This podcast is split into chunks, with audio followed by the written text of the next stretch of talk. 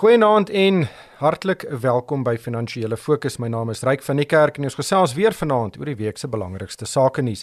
My gaste is Rikus Nel, hy's 'n finansiële raadgewer by PSG in Stellenbosch. Goeienaand Rikus. Goeienaand. En uh Jaco van Tonder, hy's hoof van adviesdienste by die batebestuursgroep 91. Goeienaand Jaco. Goeienaand uh, Ryk. Uh, Rikus, ek wil by jou begin. Ons begin nou stadig maar seker ekonomiese data kry van hoe seer die grendeltyd die ekonomie maak. En die een wat vir my uitgestaan het hierdie week is 'n studie van 'n groep akademici en navorsers en hulle het bevind dat 3 miljoen mense het reeds hulle werk tussen Februarie en April verloor. Dit is 18% van Suid-Afrika se werksmag. 'n Verdere 1.5 miljoen mense het nie 'n inkomste ontvang nie, maar hulle het darm nog 'n 'n werk om eendag na toe terug te keer en Bykans 50% van die huishoudings was ten minste een keer in daardie tydperk honger. Dit is regtig skrikwekkende statistiek. Ja, Ryk, ek dink die uh, as 'n mens deur daai deur daai uh, jy weet steekproef lees en en navorsing lees, dan is dit regtig 'n werklikheid wat ons eintlik ver voel by ons wat nog wat nie werk verloor het nie.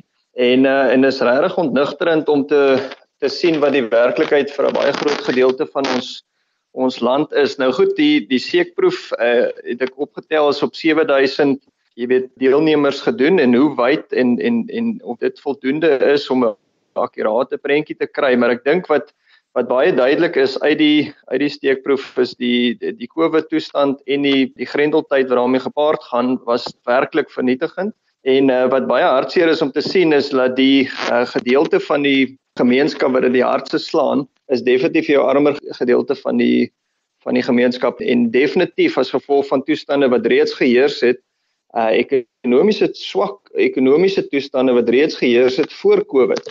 En uh, ek ek dink dit is wat ons uh wat ons eintlik 'n uh, bietjie teleurstel en en en regtig aan die hart dra. Ja, Jaco, dis nie net 'n ekonomiese probleem nie, maar dit kan 'n baie baie groot sosiale probleem word en baie vinnig ook want op die oomblik sien ons nog uitbetalings in terme van hoër sosiale toelaag. Ons het ook die spesiale toelaag of 'n bedrag wat die werkloosheidsversekeringsfonds aan mense betaal. Maar dit is 'n beperkte ondersteuning vir al die werkloosheidsversekeringsfonds. As daardie geld opdroog, dan kan die situasie baie vinnig verander. Ja, ek ek ek weet ek dink om dit in konteks te sien die tydens die finansiële krisis van 2008 het ons in totaliteit so wat 800 000 werksposisies verloor.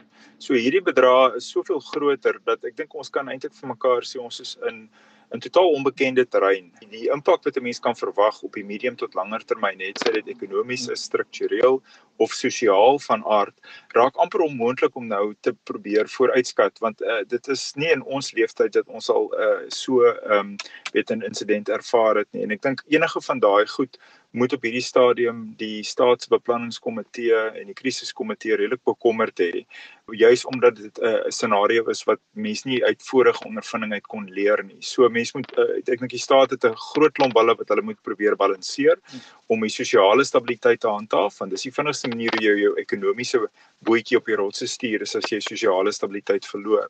So mense moet sosiale stabiliteit behou, jy moet 'n ekonomiese plan op die tafel sit en en jy moet die nodige doen om te probeer om daai sosiale stabiliteit te behou en ek dink dit is waar 'n klomp van die planne rondom uitbetaling van toelaat en ander ondersteuningsmeganismes om mense terug by die werk te kry en hulle inkomste van een of ander aard te gee, is absoluut kritiek om vir ons hierdie sosiale stabiliteit te bou. Maar daar's baie kommer oor wat tans gebeur om dit reg te kry want ons sit hier byvoorbeeld met die restaurant en die toerismebedryf wat absoluut doodstil staan en dit kos mense hulle werk. Daar is uh byvoorbeeld net die die verbod op alkohol in restaurante kan maak baie van daai restaurante net nie lewensvatbaar nie en weer eens dit lei dan deur na Rikus da mense wat nie werk het nie. Ons soek 'n bietjie meer pragmatisme in die regulasies wat die regering op die tafel sit om hierdie virus te te beheer?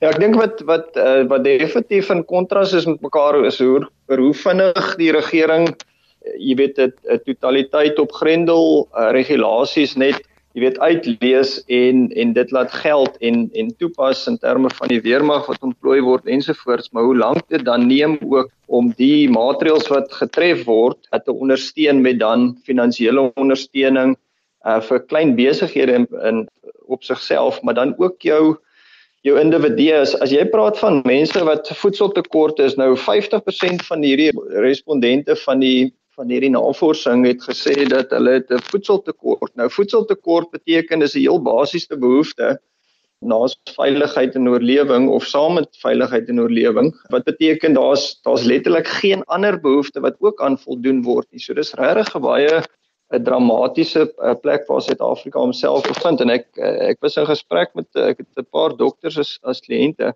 en hulle gee te kenne dat hulle sien wanvoeding uh, vir die eerste keer in jare by hospitale in, in terme van uh, of volwassenes en en dan ook spesifiek kinders wat inkom en en dit uh, hierdie gesprekke sal aan die gang van uh, van einde April af. Uh, so dis definitief besig om te verswak. Jaco, kom ons gesels oor die Suid-Afrikaanse lugdiens. Dis nou 'n storie wat nou al sedert verlede jaar in die nuus is toe die Suid-Afrikaanse lugdiens onder sake redding geplaas is. Die sake reddingsplan is hierdie week goedgekeur deur die krediteure. Die meeste krediteure was ons kommersiële banke wat nie eintlik geld gaan verloor nie want hulle lenings aan die lugdiens was en is gewaarborg en die regering het toe ook basies 'n brief geskryf aan die sake reddingspraktisyns en gesê ons sal die nodige finansiële ondersteuning gee om hierdie plan deur te druk en dit beteken enige iets tussen 15 en 35 miljard rand kan in die nabye toekoms na die SAL toe vloei en dis geld wat ons net eenvoudig nie het nie.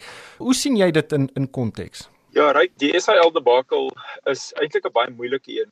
Die die baie mense roep vir 'n totale sluiting van die besigheid, maar dit gaan ons ook nie niks kos nie. Soos wat jy sê, is 'n klomp van die lenings aan die krediteure deur die staat gewaarborg. Met ander woorde, as ons sou besluit uh, om om die roete te volg wat uh, deur baie mense kommentators voorgehou word, om die lugredery net eenvoudig toe te maak, almal af te dank en al die bates en roetes te verkoop vir soveel as moontlik, is daar nog steeds 'n groot rekening wat na die Suid-Afrikaanse staatsdienste kant toe gaan kom wat betaal moet word. So dis nie asof ons argumenteer spandeer ons 10 of 20 miljard om 'n kleiner SAL aan die gang te hou vis-à-vis kom ons spandeer 0 nie. Ek dink nie die alternatief hmm. gaan ons 0 kos nie. Die alternatief sou ons ook 'n enorme klomp geld gekos het. So so mense kan amper aanvaar finansiëel kan jy argumenteer is dit maar dieselfde uitkoms. Dis nie die groot uh, besluit nie. Die vraag is is die is daar plek vir 'n vir 'n lugredery? Al is dit 'n kleiner en 'n meer kommersieel georiënteerde lugredery gaan gaan daardie planne op die langtermyn vrugte afwerp en ons 'n lugredery hê wat kan gelykbreek of dalk selfs 'n rand of 2 vir die staatskas kan in? Of gaan ons weer op 'n stadium onsself in 'n posisie bevind waar die 20 of 30 miljard wat nodig was om die besigheid weer op die been te kry gebruik is en daar daar nou verdere versoeke is vir nog kapitaalinspuitings. Dis eintlik die groot vraag en ek dink dit is maar die die tot 'n mate miskien dink ek is die regering in 'n moeilike posisie want want want SAL is 'n is 'n voorbeeld van kan die staat kommersiële organisasies suksesvol bestuur en ek dink hulle wil ten alle koste vir uh, Suid-Afrikaners en en vir die stemmers wys dat dit kan gebeur en as hulle 'n sukses met SAL kan maak, weet kan daar politieke punte wees wat wat te wen is. So mense kan verstaan hoekom die staat probeer om eerder die besigheid aan die gang te hou. Vir my is die groot vraag nie so seer wat kos dit ons vir die volgende 2 tot 3 jaar nie, maar wat gaan dit ons daarna kos en gaan hulle wel in staat wees om 'n suksesvolle lugredery kommersieel te bedryf met al die uh, probleme wat ons nou met COVID het veral in die lugredery bedryf. Ek bedoel dit is nie die tipe bedryf waar 'n mens nou groot bedrag geld aan wil spandeer nie. Uh, want jy weet nie hoe die toekoms lyk nie. So daardie groot vraagtekens dink ek is miskien die meer belangrike vraag om, om oor te pyns. Rikus, dis baie ek dink Jaco het baie goed opgesom, maar die ander kant iets wat ook vir mense pla is dat dis hierdie fascinasie om die SAL te red. Dan sit ons ook met ander staatsbeheerde instellings wat omtrent niks kry nie. Denel kan nie salarisse betaal nie. Prasa wat miljoene mense moet vervoer elke dag is gebreek.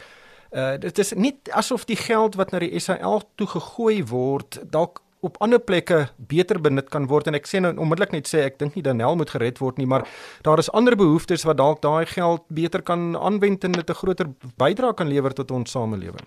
Kyk ek dink die verhaal oor ons uh, ons staatsbeheerde liggame is is regtig 'n tragiese verhaal en ek dink die jy weet die behoefte vir finansiële ondersteuning in in in 'n verskeidenheid van hierdie entiteite is so massief dat dit jy weet dit net fisies onmoontlik is om om te besluit of om te kan sien hoe 'n mens almal kan help. Nou wat ek opgetel het van die onderneming van uh, ons minister van finansies is dat hulle gaan op 'n manier uh fondse initieer. Nou of dit nou beteken dit is uh fisies begrotingsgeld wat soontoe gaan en of dit nog geld is wat geïn moet word op 'n sekere wyse.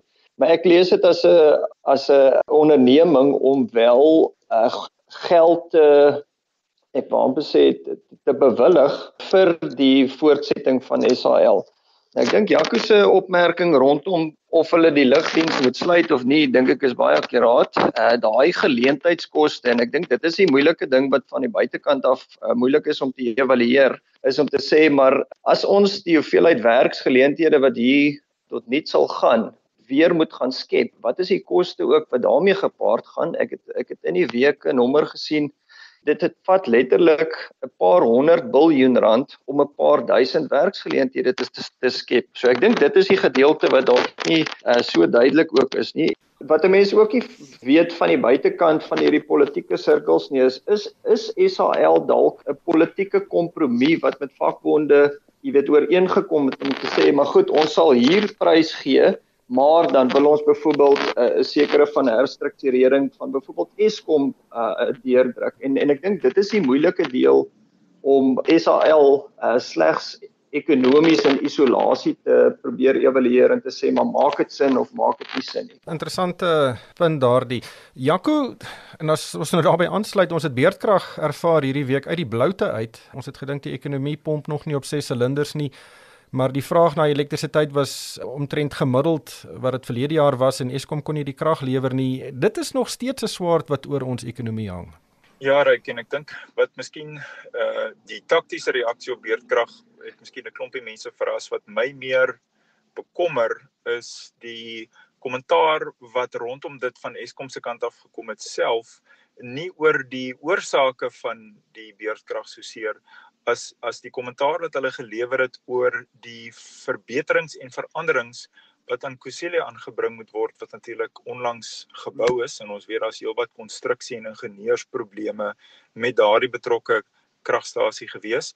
Uh dit lyk asof Eskom nou begin oop kaarte speel met Jan Publiek oor presies wat die tekorte daar is en wat dit gaan kos om dit reg te maak en en uh, dit blyk dat dit dit, dit mag grootendeels te doen met die feit dat die die ontbrandingsmeganismes van daai kragstasie is is nie korrek opgestel vir die kwaliteit van steenkool wat aan daardie kragstasie gelewer word nie. So dan moet opgraderings gemaak word aan die branders en 'n klomp plekke en die verkoelingsmeganismes en dit is enorme take. Dit dit gaan daardie uh kragsentrale vir geruime tyd van die lyn moet afhaal en dit dit, dit gaan lank vat om reg te maak en ook baie geld kos. So ek dink dit is weer eens wat ons maar sien is Eskom kan nie regtig vorentoe gaan hulle hulle maak hulle kleiner ouer kragstasies doen hulle nou onderhoud op en dit is 'n positiewe verwikkeling maar jy kry nog steeds hier en daar onverwagte breuke wat lei tot tot wat ons hierdie week gesien het.